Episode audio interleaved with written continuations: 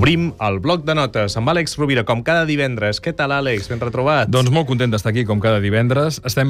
No hem practicat l'ofici de veure, que dèiem l'altre dia. Hem practicat l'ofici de viure amb aquell lapsus. Content, content, molt content d'estar aquí. El que sí que hem practicat és l'ofici de riure. Eh? Això sí, hem practicat, i d'això es tracta, I tant, aquest intentem practicar-lo cada dia, moltes vegades. Bé, doncs, parlem d'alguns dels llibres de capçalera, com estem fent darrerament, de l'Àlex, que han marcat la seva persona i també la seva obra, avui parlant de Maslow.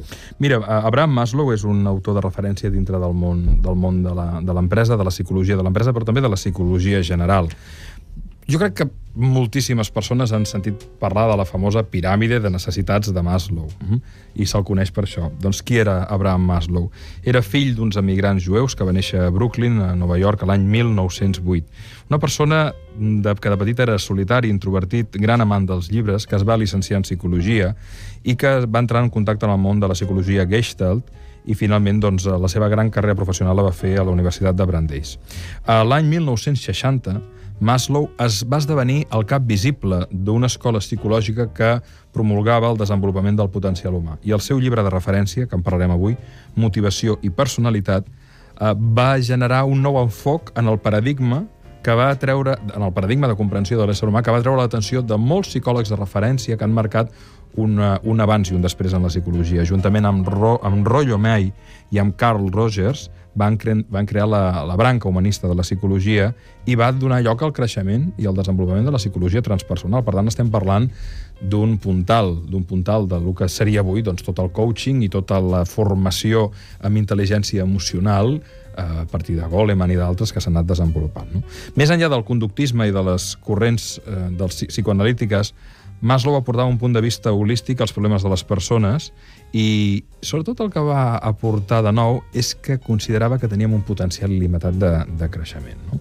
que podíem que tot ésser humà era essencialment positiu i que tenia un potencial de desenvolupament extraordinari, que ha sigut una de les bases filosòfiques de moltes escoles de la psicologia contemporània, no? el, el desenvolupament del potencial humà a partir de, del treball psicològic amb les eines adequades i, amb el, i, amb, i en funció de l'estructura de personalitat de la persona que es sotmès d'un procés de creixement personal.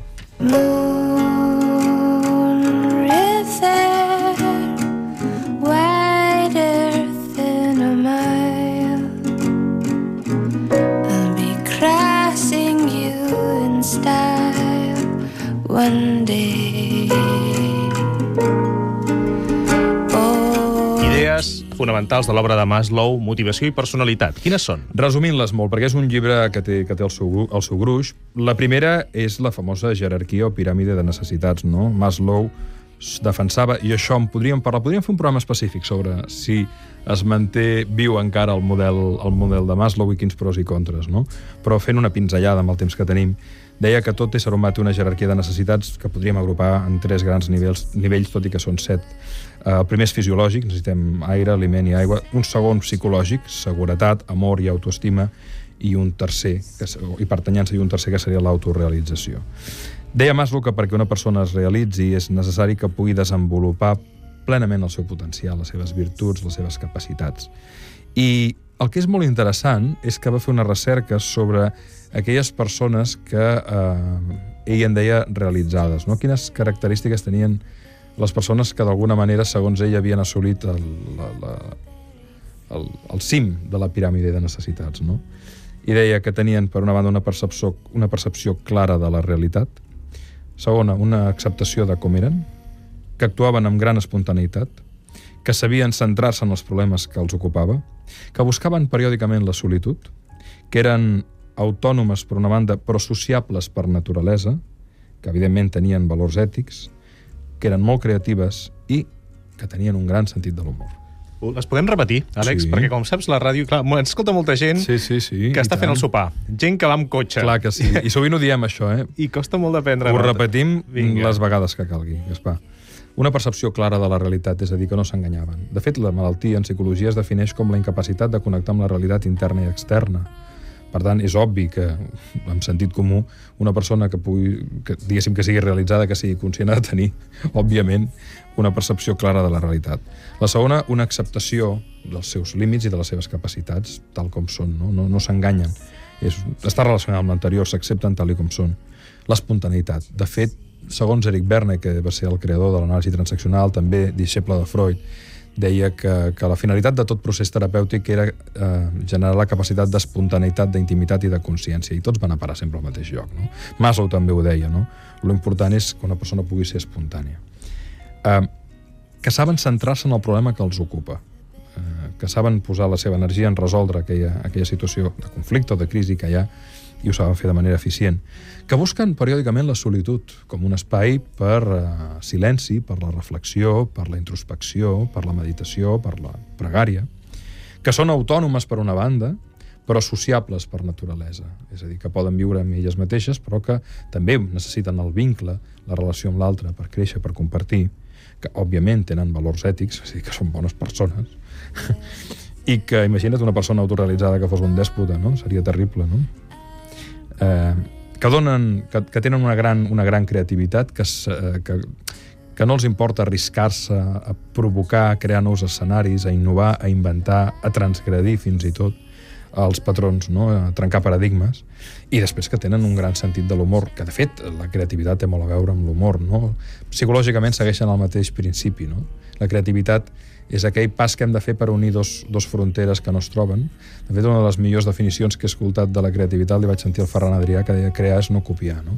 I l'humor té molt a veure amb això, no? amb la capacitat de sorprendre, d'unir allò que en principi no està unit. El Ferran Adrià, que una de les coses que ha de fer, perquè treu un plat nou uh Mhm. -huh. i al cap d'una setmana, 15 dies, ja es troba el seu plat a no sé quants restaurants. I diu, jo només, només tinc una solució, que és innovar constantment. No? Exacte. Aleshores, clar, és l'única solució. És que la vida hauria de ser això, i mira, ara que estem en aquests moments de crisi, jo crec que més que mai ens hauríem de posar... L'arrel de crisi és la mateixa que la de les paraules crítica i criteri.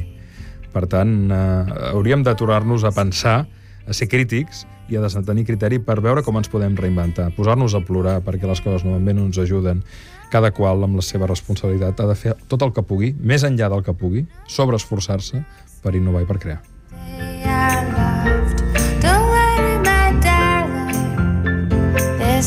Petit fragment del llibre de Maslow per tancar aquest bloc de notes.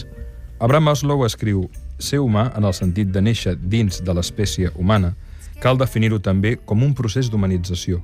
Aquí faig un parèntesi molt en la línia de Teilhard de Jardin. eh? En aquest sentit, un nadó és només un ésser humà en potència i ha de créixer per assolir la humanitat. Àlex Rovira amb el seu bloc de notes cada divendres a l'Ofici de Viure.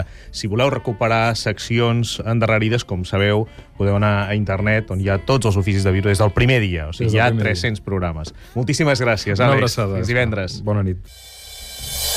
La miopia, l'hipermetropia i l'estigmatisme han deixat de ser un problema per milers de persones. En l'actualitat, pots gaudir de bona visió sense ulleres o lents de contacte quan et despertes, a l'oficina, quan practiques esport i o a la platja. No dubtis a sol·licitar una consulta informativa amb els facultatius del Centre d'Oftalmologia Barraquer, perquè, a més de tenir perícia i experiència contrastades, disposen sempre dels últims avenços oftalmològics en benefici del pacient. És una recomanació del Centre d'Oftalmologia Barraquer, web barraquer.com.